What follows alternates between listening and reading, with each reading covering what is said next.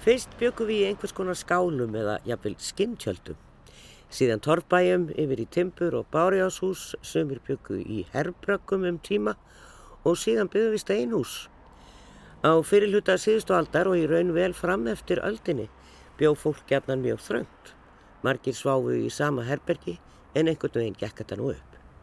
Fólk tók sér til á stríðsárunum og, og árarum eftir stríð og byggði sjálft og þá jafnvel úr timpurkossum utan af bílum sem voru fluttið til landsins.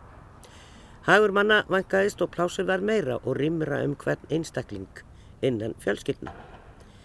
Enn erum við ekki laus við húsnæðisvanda, leigumarkaðurinn hefur verið lélugur og dýr og sömulegðis kostar sitt að ráðast í íbúðakaup. Búsettaformið kom til fyrir nokkrum mörgum árum síðan og er ágættis valkostur fyrir marga og menn hafa leiðið yfir allavega lausnum til að koma ungu fólki og efnalitlu fólki í skjól. Nýlega var svo kynntir söguna Þorpið vistfélag, nýjar smá íbúðir sem stemtir að byggja í Guðunesi. Til þess að ræða þessi búsetu form eru komin hingað Ágústa Guðmustóttir sem sér um viðskiptaþróun og markaðsmál hjá búseta og Runolfur Ágússon verkefnastjóri frá Þorpunu vistfélagi. En fyrst skulum við bregða okkur í nýjasta byggingakjarnar búsetta við Þverholt og Einholt og í fylgd Sigriðar Óláfsdóttur arkitekts sem að hann hafði reyti.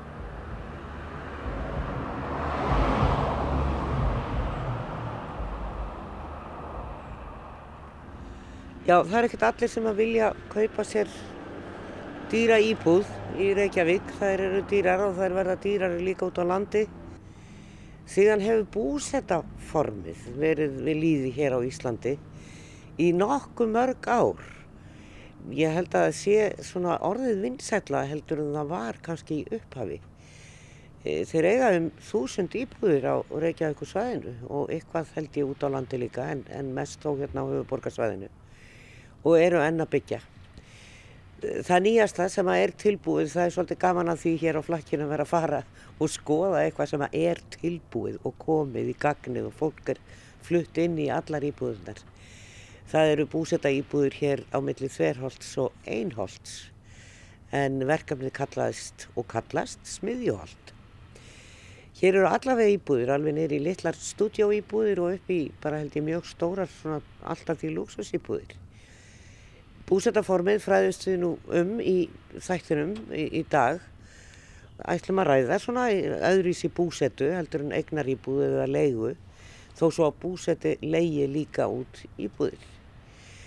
Sigriður Ólafsdóttir arkitekt er hannuður að þessum byggingum hér við Þverholt Einholt og ég held að sannmælist nú allir um það að þetta hafi tekist afskaplega vel. Hér Við erum að fara hérna inn í mjög grói gamalt hverfi, getur við sagt, og hér eru bæði verkamannabústaðir nálagt og, og svo eru eh, fjölskylduhús, fjölbílishús, eh, ekki mikið einbílishúsum hér á þessu svæði í Reykjavík, en, en svona hæðir, stórar hæðir og, og, og hvað veit ég, þannig að það verður að fara hér inn í gamalt hverfi. Þetta er í smá halla Húsin eru ekki há, þetta eru fjagra hæða hús, ég held að það sé ekkert sem er hæra, kannski mögulega þau komum hér inn í gardin. Við erum hérna við Hátæksveginn, þetta liggur svona í ferhyrning hér og það er inngarður hérna, við ætlum að ganga inn í gardin. Þegar þetta, það þykir nú yfirlt alltaf svolítið vandarsamt að fara inn í gamalt grói hverfi og við höfum ekki verið að gera það mikið í Reykjavík eða höfuborgarsvæðinu fyrir en núna undanfærin ár með þétningu byggðar hér var náttúrulega bara voru gamla vesmiður og, og eitthvað slíkt, er það ekki rétt hjá mér? Það er hárreitt hjá þér. Þetta er svona reytur sem að byggist uppalega upp sem versmiðurreytur í ja. bara kringu 1920 og þá byrja fyrstu húsin að rýsa hér. Voru þá svona pínu litlar eh, eiginlega vinnustofur ímins af yðnaðarmanna og hægt og rólega þá þjættist þetta og því byggingarna stækkuðu og þeim fjölgaði. Þannig að undir sko, ja, um 1980 þá var reyturinn sem að hér um ræði nánast alveg þjætt byggður af húsum. Það var valla sko, sko, bílaplunni en eitt á millið þeirra. Þetta var bara einn risastór kaka af húsum. Og e, svo þau, farað þau hægt og rólega að flytja annars vegar, einhverju þeirra hættu náttúrulega en svo mörg fyrir fluttu upp á höfða og, og annað. Þannig að hér fóru verksmiðuhúsnaði að standa auð og ég veit ekki nákvæmlega hvena það tekið ná, hérna, ákveðin um það en borgin ákveður svo að raun að rýma allar versmiður hérðan og breyta þessu í íbúðasvæði. Það var náttúrulega allt þetta svæði, hampiðan var þarna og þar eru, eru komnar mjög stórar blokkir, mm. svona miklu miklu hærri en þessi hús og Já. svona kannski taka aðeins meira fyrir augað en, en hérna er einhvern veginn sem að kemur hér þá er þetta eins og þetta hafi bara alltaf verið hérna. Það var mjög gafin að heyra það, Já. því það var ætlunin okkar að, að hérna, koma þessu þannig haganlega fyrir að þetta já, passaði vel inni og virtist í rauninni eins og segir, alltaf hafa verið hérna en enga síður er alveg augljóst að þetta eru splungun í hús og, og þau, eru, þau bera þess merki að þau eru hönnuð og, og byggðu öðrum tíma heldur en húsin í kring.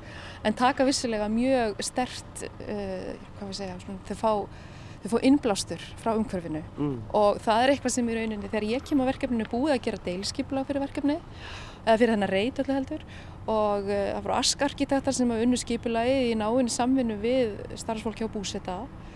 Og þar var strax búið að leggja línutnar um það að hér skildi tekið tillit til húsan í kring. Eh, þar alveg er hæðum húsanna stilt í hóf eins og þú nefndir það þau voru fjögra hæða hérna siðst á reitnum við hátegsveginn svo eru þau reyndar fimm hæðir þegar norðar dregur en þá er fymta hæðin indrægin þannig að við verðum ekki jafn vörð við hana frá götunni eða garðinum séð. Og þetta til dæmis bara út frá hæðum húsana hér í kring og, og uppbrotið. Við erum með, sko þetta eru yfir 200 íbúðir en það dreifast í nýju aðskilin hús. Og, og uppbrotið bæði það að skipta þessum byggingamassa í margar byggingar og svo hverju húsi fyrir sig í svona, eins og sér, þetta er ekki Þetta er ekki heilir kassar með löngum lokuðum hliðum, en maður getur orðað að þannig heldur er mjög mikið uppbrot í sjálfum byggingunum.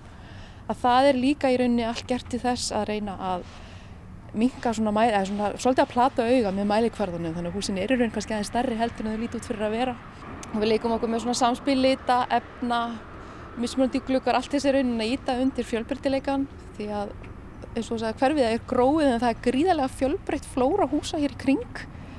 Þannig að það var ákveðin áskorinn að reyna að svona, tala við umhverfið eins og maður segir því að húsinu verður svo ólík. En þetta var niðurstaðan og mér heyrist að, að flestum bara líst nokkuð vel át allavega. Já Þetta var línuða sem voru lagðar og, og, og, og það væri nú óskandi á sömum stöðum þar sem þetta er ekki verið að taka til í þess að sem er samt búið að vera ræðum í fleiri ár núna að, að passa upp á eldri byggðina og maður sé ekki að riðjast inn í eldri byggð og taka í rauninni bara upplifuna á að koma í hverfið. Já, og það er það sem að sko, skipta okkur miklu máli í þessu verkefni hér. Það var einmitt líka að taka tillit til þeirra sem fyrir er í hverfinu. Við ætlum ekki bara að skapa fallegar og nýjar góðar íbúðir fyrir það sem er að flytja inn í þessar íbúðir. Heldur vildum við jafnframt bæta umhverfið fyrir þá sem búa hér nú þegar og hafa búið jafnvel í ára og tíi. Og eitt er það að losna við verksmiður og fá íbúðahús í staðin er örgulega, já, í flestum flestra augum betra. En þetta var til þess að við, til skarðurum sem við horfum inn í hér núna, hann er sem sagt, þetta er einu almenningsskarður, hér geta allir komið. Og þótt að auðvitað náttúrulega nota, íbúðan hann fyrst og fremst en við vitum alveg til þess að nágrannar koma hér á góðuristögum og tilla sér niður og njóta. Og, og eins er eins og við nefndi á þann uppbrótið í húsunum og annað að það tekur líka tillit til húsana í kring, við erum að reyna að tengja inn á göngustíga reyna að passa að það sé ekki komið einn langur samfélgur veggur fyrir framann gömlu húsin, heldur sjá, sér fólk ennþá á milli húsa og svo framvegis já. þannig að já, reynir einu auka gæfi þeirra sem voru fyrir jafnframt að, að, að, að búa til semst eitthvað nýtt fyrir þá sem er að koma hér nýri í búar. Við skulum ganga þetta einn, það er heilmikið gróður hérna í gardinum, stór beð og svo komaði hérna svona stöytar upp úr beðanum hér Já. og þar. Þessi kassar meinar? Já, þessi Já. kassar sem að koma upp með glukkum. E, þetta er e, svona ofanlýsing inn í bílakjallaran sem er nú svolítið skemmtilegt því að þeir eru vanlega bara ásælega dimmir og leðilegir og ljótir. Hér er sérst bílakjallari undir öllum gardinum og það var sérst bara krafa í deilskipilagi að hér skildi vera bílastæði fyrir alla og er, þannig að hver einasta íbúð, það eru 203 talsins, hafa bílastæði í kjallaranum. Kanski rétt að nefna þau hefa, hafa náttúrulega sjálfsögðu öll ramakstengingu og allt slíkt því að við erum að reyna ítundi vistvæna íbúa. Framkvæmdinn var skipt í þrjá áfanga og þessi sem við horfum á hér er fyrst og annar áfangi. Þriðja áfangi er hérna hínum með við litla götu sem klýfur reytin. Það er annar bílakjallari og þessi bílakjallari eru aðskildir En í þessum fyrri sem hér er, þar eru þessir stautar eins og kallar það sem að veita ofanbyrtu niður í bílakjallaran já, já. sem er hér alveg á tveimur hæðum, risastór. Já, er á tveimur hæðum? Er á tveimur hæðum fyrir hérna okkur, já.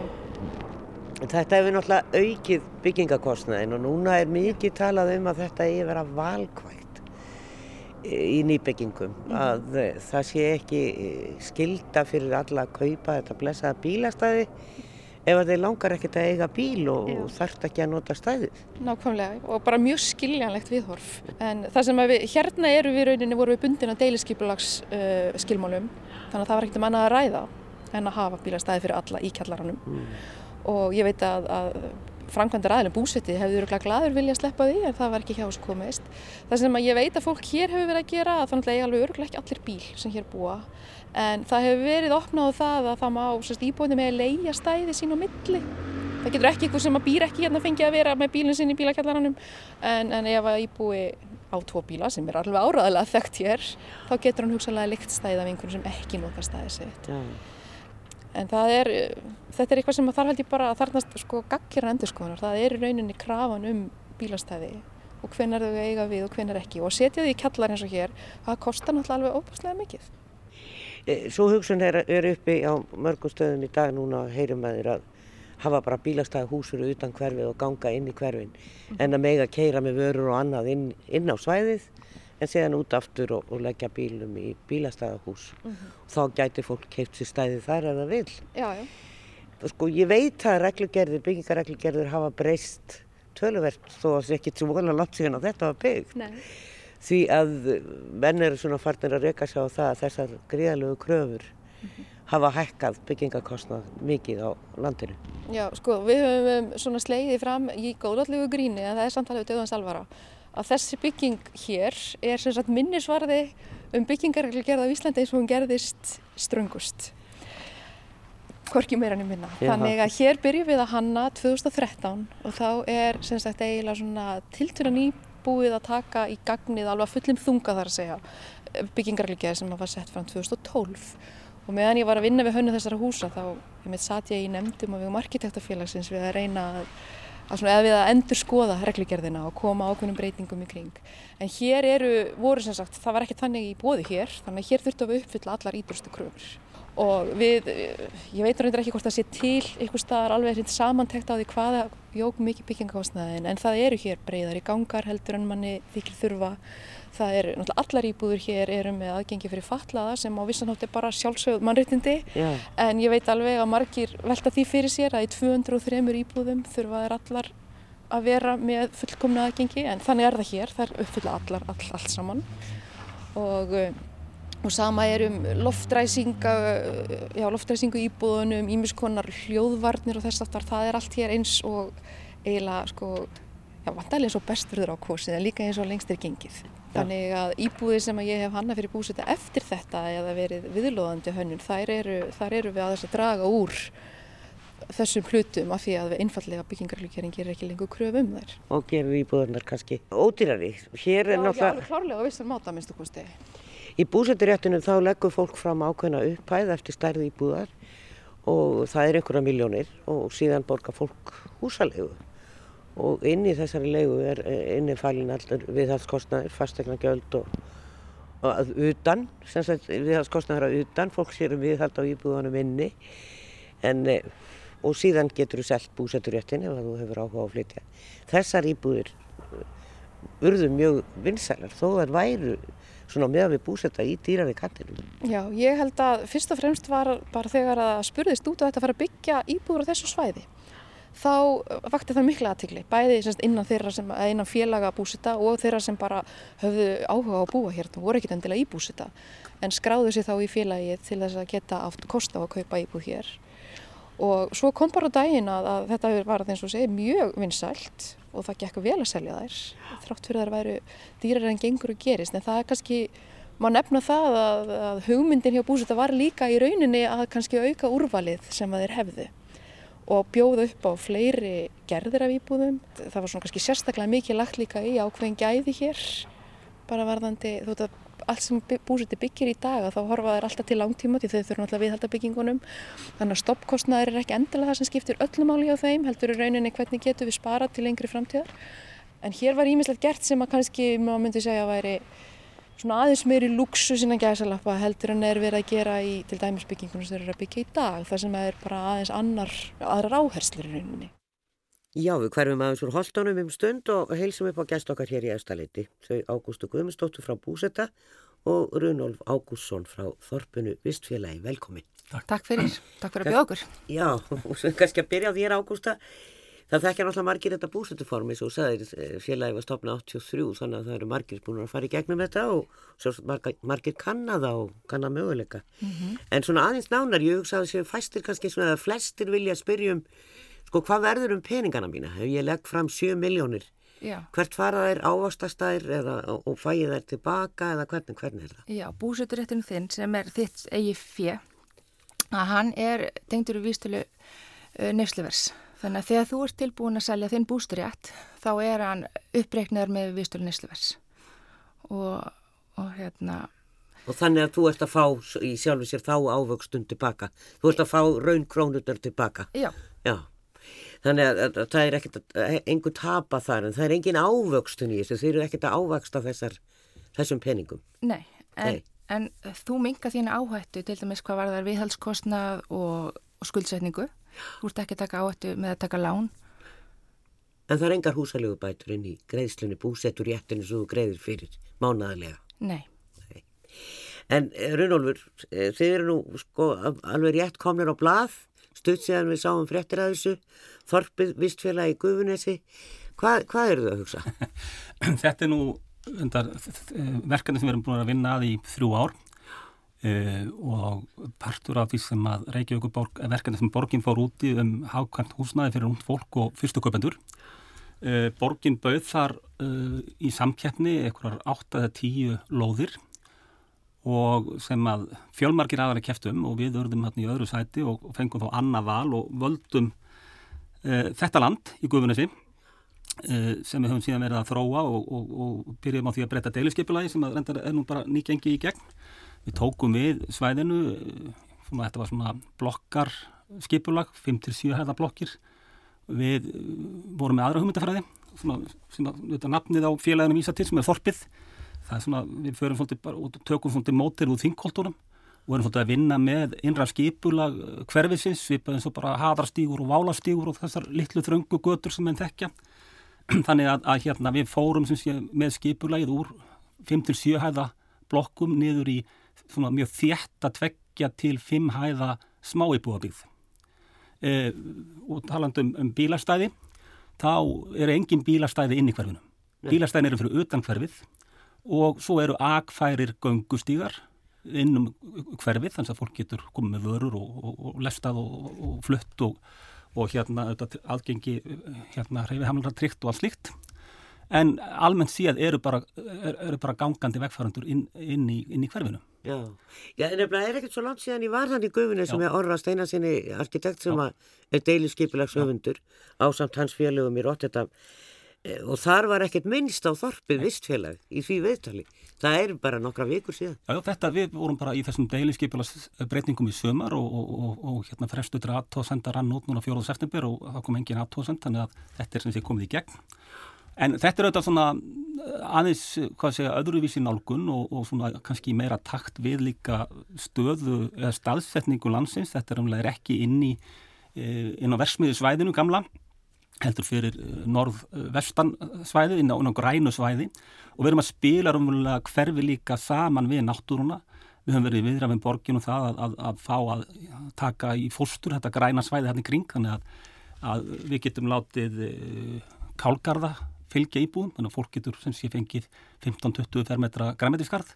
Eh, það mun geta byggt sér þar líka hænsnakofa eða vill og við svona erum að reyna að föndra og leggjum með þunga áherslu á umhverfismálinn sem að við skinnjum líka uh, í öllu þessu skipulags og þróunarferli að skiptir ungt fólk í dag mjög miklu máli. Já, það er gaman að því, því að Orri Steinarsson sagði okkur frá því að að þeirra til að um deiliskypila þarna heitir, eða var kölluð fríríki frumkvæðla og þetta er svona smá heipa hugmyndir í þessum, þetta er einsnakofan og kálgarðin sem er skemmtilegt og ég veit að margir vilja og, og þetta er náttúrulega, að maður horfir hérna aftan á við þeir og út á hafið og er síðan blasið við þannig að þetta er náttúrulega gríðalega fallegu staður.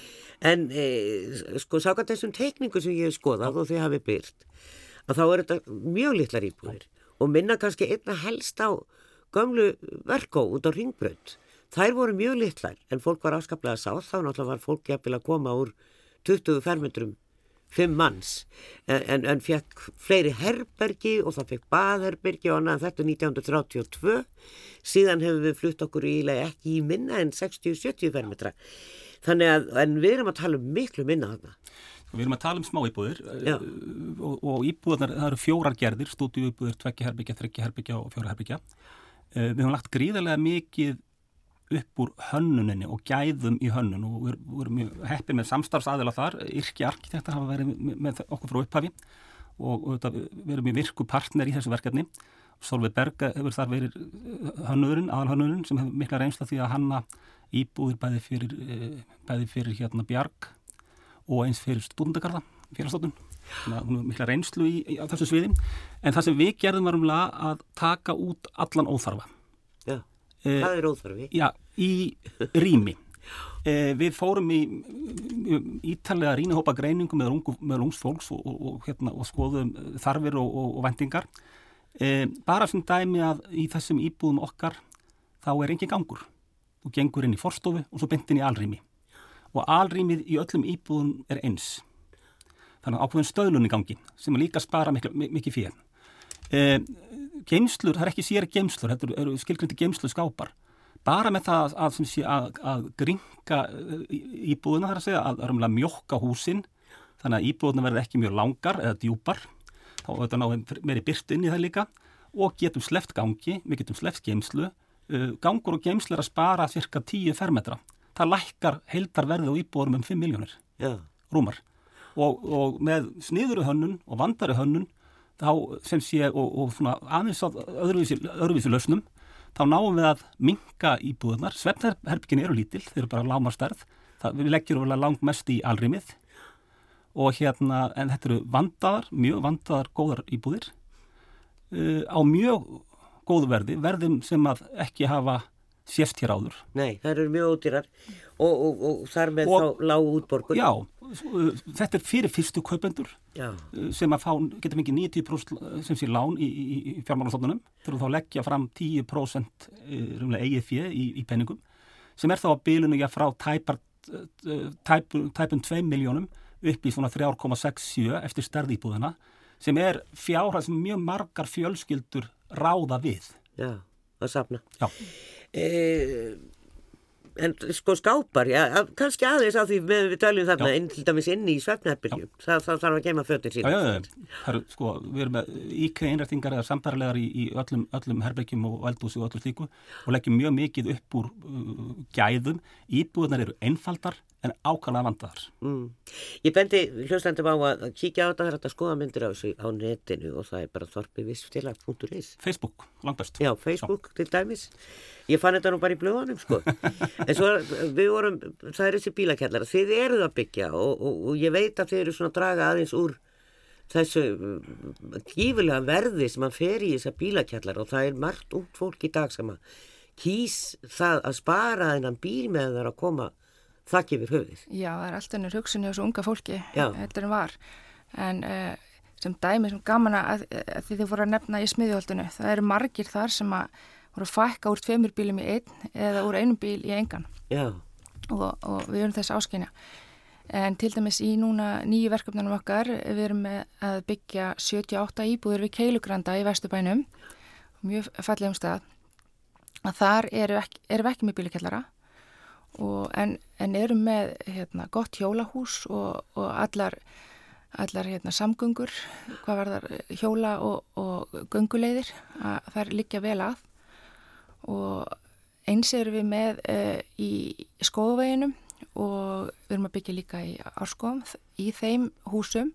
Þar verðum við með svona ofinn bílakjallara sem er, uh, það er svona hagkamera lausn. Það kemur að Já. það verður að spara þetta, þetta er, man, manni finnst alveg óhugulegt hvað einn bíl getur kostað. það, það er samt sem að það er mjög dýrst en, já, en, en þetta eru, bílakjallar eru, eru yfirleitt, eða bílastæði í bílakjallara getur verið kringu 5 miljónir Já, alveg meira, alveg 7-8 miljónir En við skulum kvíla okkur aðeins hér og, og fara aftur með Sigri Ólastóttur í Holtin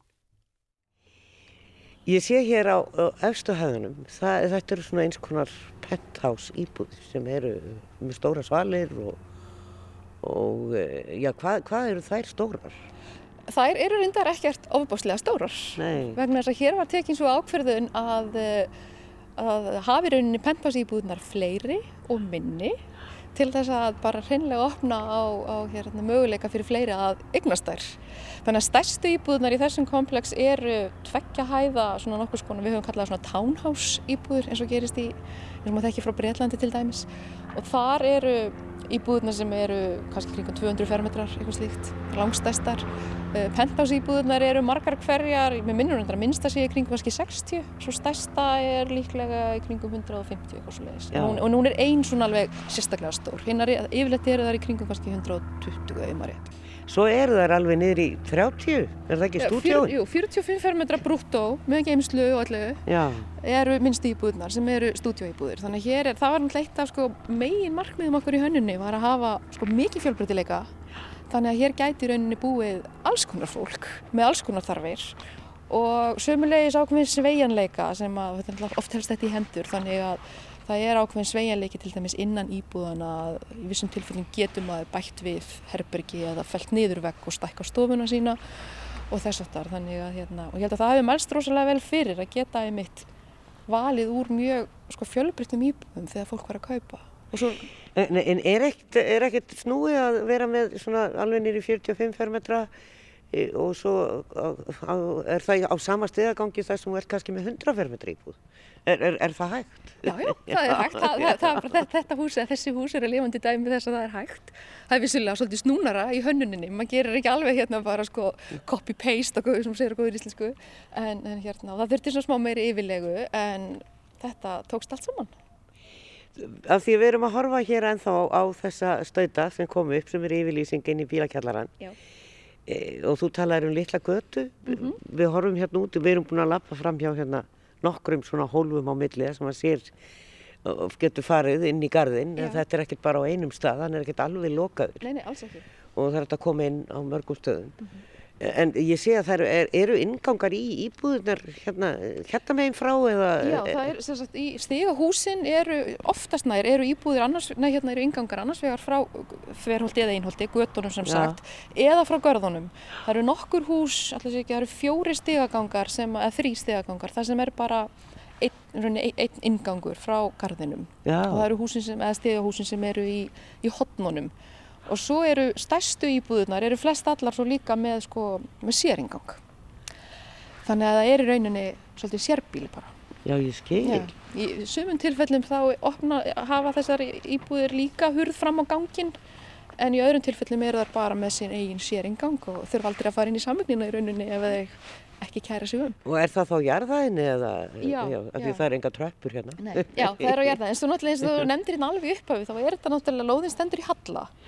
Þannig að við, og það er, hallin er glettilega mikill, það munar alveg heill húshæð á milli þverholts og einholts. Já, Þannig að hér erum við til dæmis þegar við horfum á, á einholt nummer 10 þá er hér gengið inn úr garðinum á, á fyrstu hæð en svo er ingangurinn frá götunni er á annari hæð.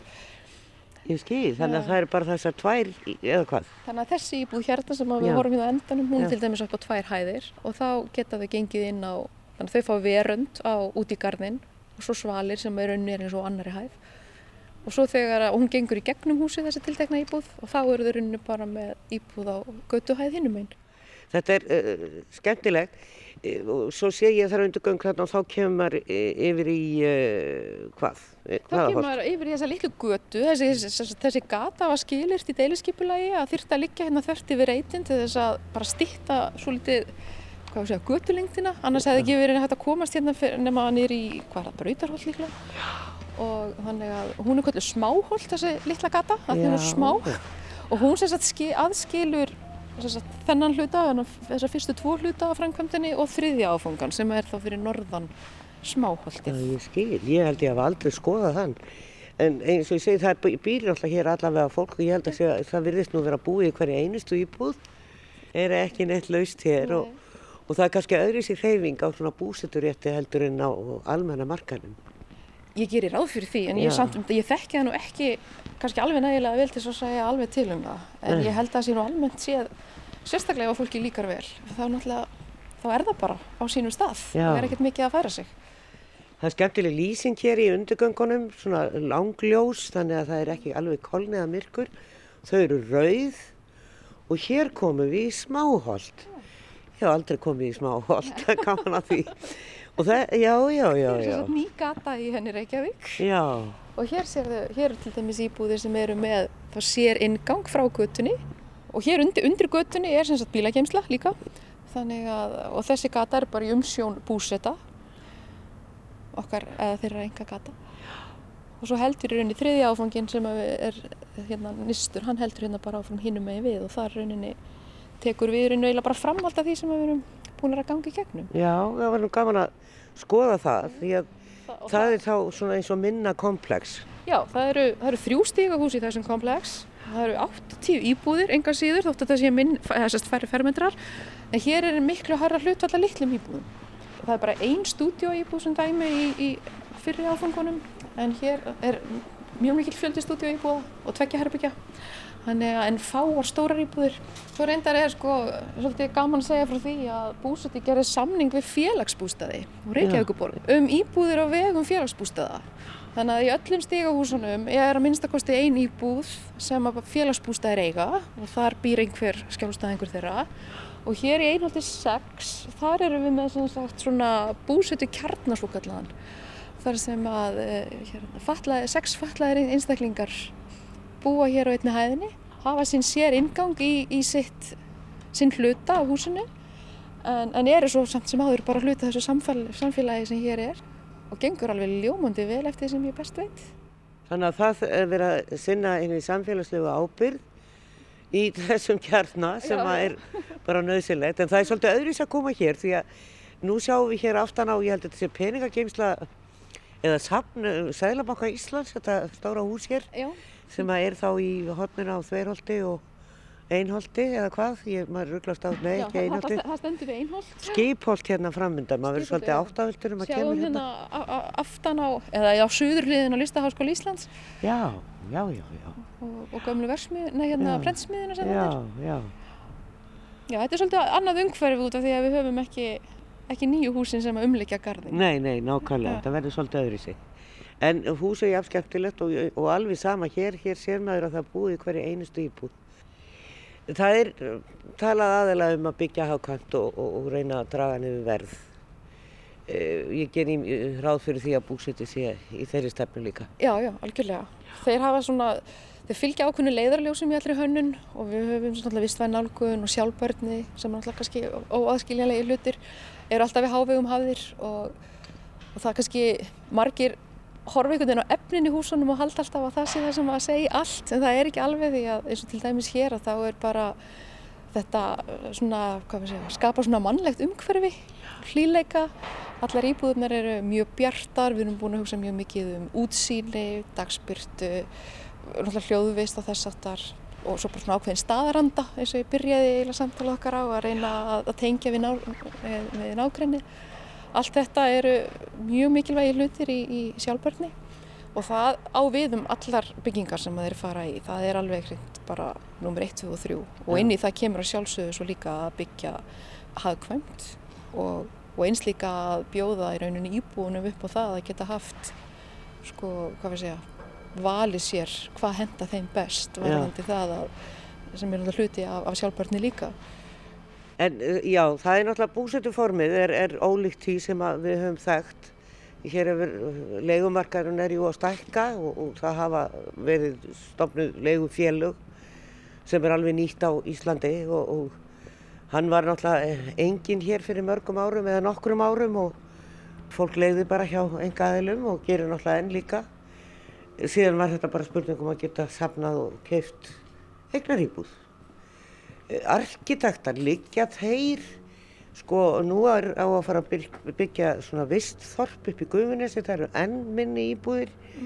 Eh, það er eh, verkamannabústaðakerfið var lagt niður það var kannski svona eitthvað sem að, má segja hafa verið líkingu við búsetta og það voru lágar útborganir og, og, og kannski og hagstæðri lán fyrir fólk að borga. eh, sem var efnalítið íbúðurna sem er verið að byggja hann upp í Guðunnesi eða er ætlunin að byggja það eru uh, ennminni íbúðir, það er fara alveg, það eru stúdjóíbúðir og ég held að fjagraherbyggi íbúðirna séu bara rétt rúmir 60 fermetrar.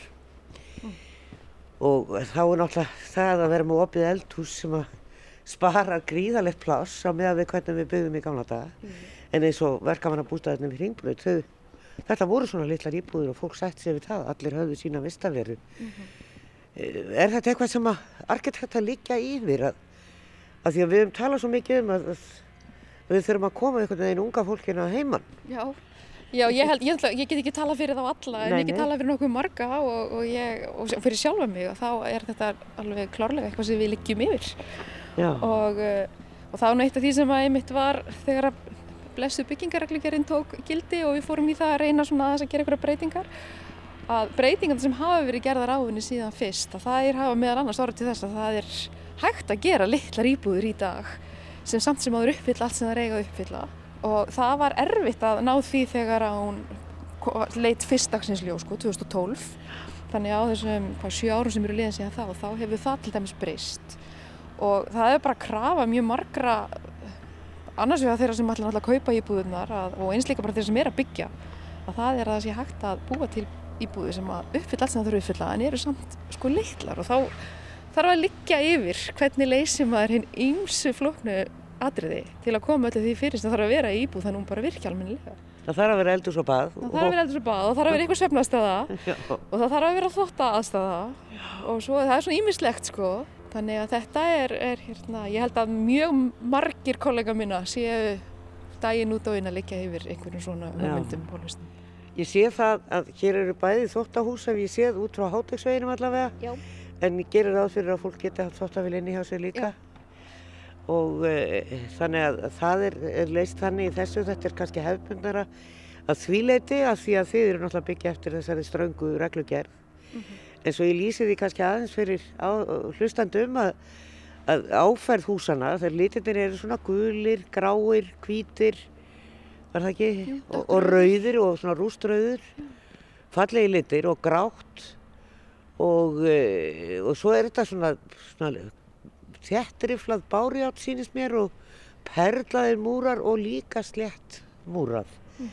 þannig að það hefur verið leitað Við leitum rauninni fanga í húsin í nágruninu, bæði Já. hvað varðar áferðir og eins litavalið.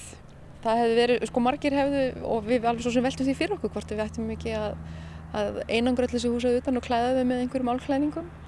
En okkur fannst bara, þetta er svo mikill byggingamassi og það hefði einhvern veginn enga veginn endur speklað húsin í kring.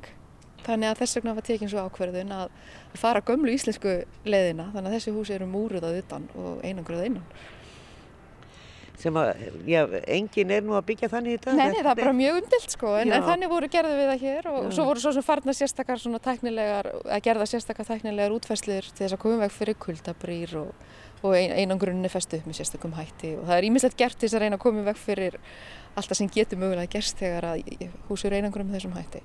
En ég veit ekki til þess að það hafi verið nein vandamál allar enn sem komið er. Mér sko þetta hefur mér ekki búrast þetta til því. Og þar með hverjum við Sigrið Ólástóttur arkitekt sem er viðlóðandi búsetta en þá og er að vinna með þeim og höldum áfram hér með Runolfi Ágústsinni frá Þorpinu og Ágústu Guðmustóttur frá búsetta. E, ég veit að það er líka sameigilegt rýmið þarna í holtanum, það er, það er svona salur sem að íbúðinni geta leikt. En, en það er svona aðeins önnur, já, aðeins önnur hugsun hjá, hjá ykkur því að þetta eru alltaf mjög litlar íbúðir og kannski erfitt að halda upp á fymtusamali eða mm. eitthvað inn í stofu. Þetta er alveg horrið.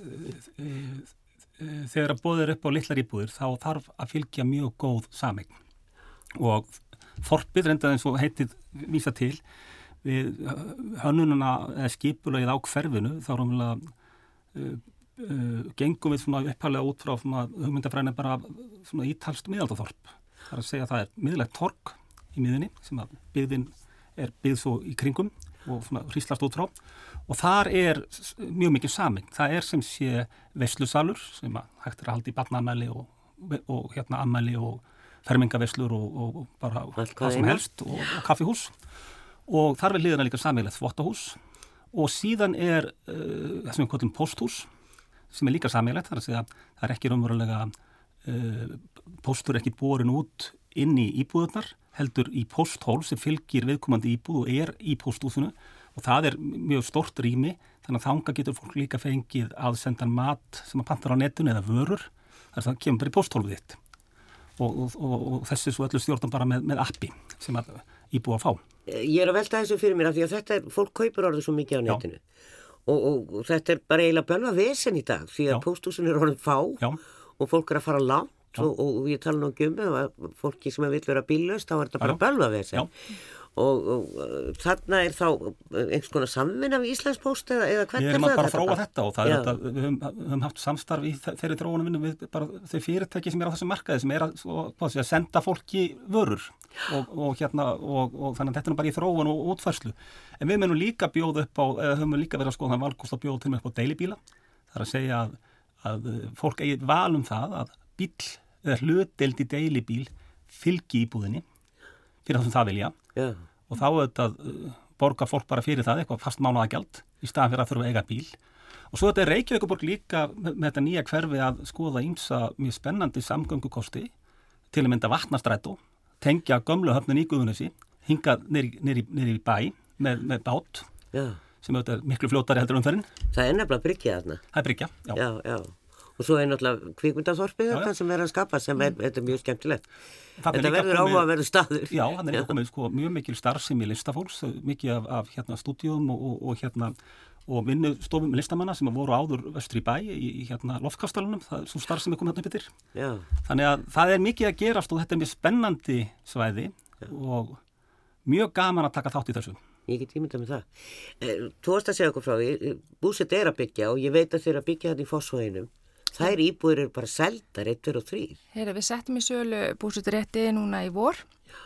Þetta eru 20 íbúðir og það seldust allar á einu bretti. Það voru tæmlega 300 umsóknir Já, í þessar 20 íbúðir og hérna, er hérna, fóru hrætt út. Og nú erum við að fara að setja í sölu í oktober 70, uh, rúmlega 70 íbúðir í Keilugranda.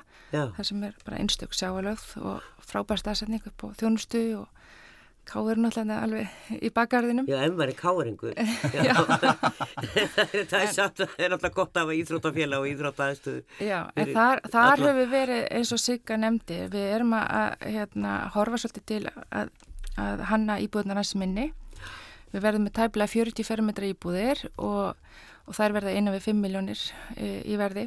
Já, búsetta rétturinn Bústun, já, og, og hérna, en alveg upp í 4-5 herbyggi íbúður, þannig að þetta verður svona blöndu byggð og uh, við svona vonist til þess að það skemmt, myndir svona skemmtileg stemming þe- þegar það er svona fjölbreytt fjölbreyttar íbúðir. Já, það sem að er eldri kynnslóðin og unga kynnslóðin og, og fjölskyldfólki að mætast það, blandast, já. það blandast saman. Það sem að kannski má segja að þessi tvö fyrirbæri eigi sammeilegt væri til lága útborgun.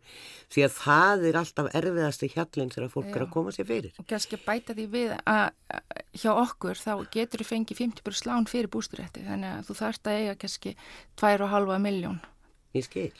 Og bankar koma þá inn, inn í það. að okkar hérna, viðskiptabanki uh, sérst, lánar Já, ég skil. Það, já, já, búsið í að ábyrg það- fyrir því Já, ég held við sjáum sko í báðum þessum fyrirbriðum það er spurn eftir nýjum leiðum inn á húsnæðismarkaðin. Við sjáum uh, hvað þið eru fljóta að selja og við sjáum sko að þið eru komið marga skráða. við erum komið með sko á annað þúsund einstaklingar eru búin að skrá sig fyrir íbúðin hjá okkur þessum 130 íbúðin við erum að ná sko eftirspurnin er að vera tíföld. Já, og það bara sýnir það að það er gríðalegu skortur á litlum hagkvæmum íbúðum innan já, þurfur ekki að borga einhverja formúi líka fyrir til þess að komast ánkað.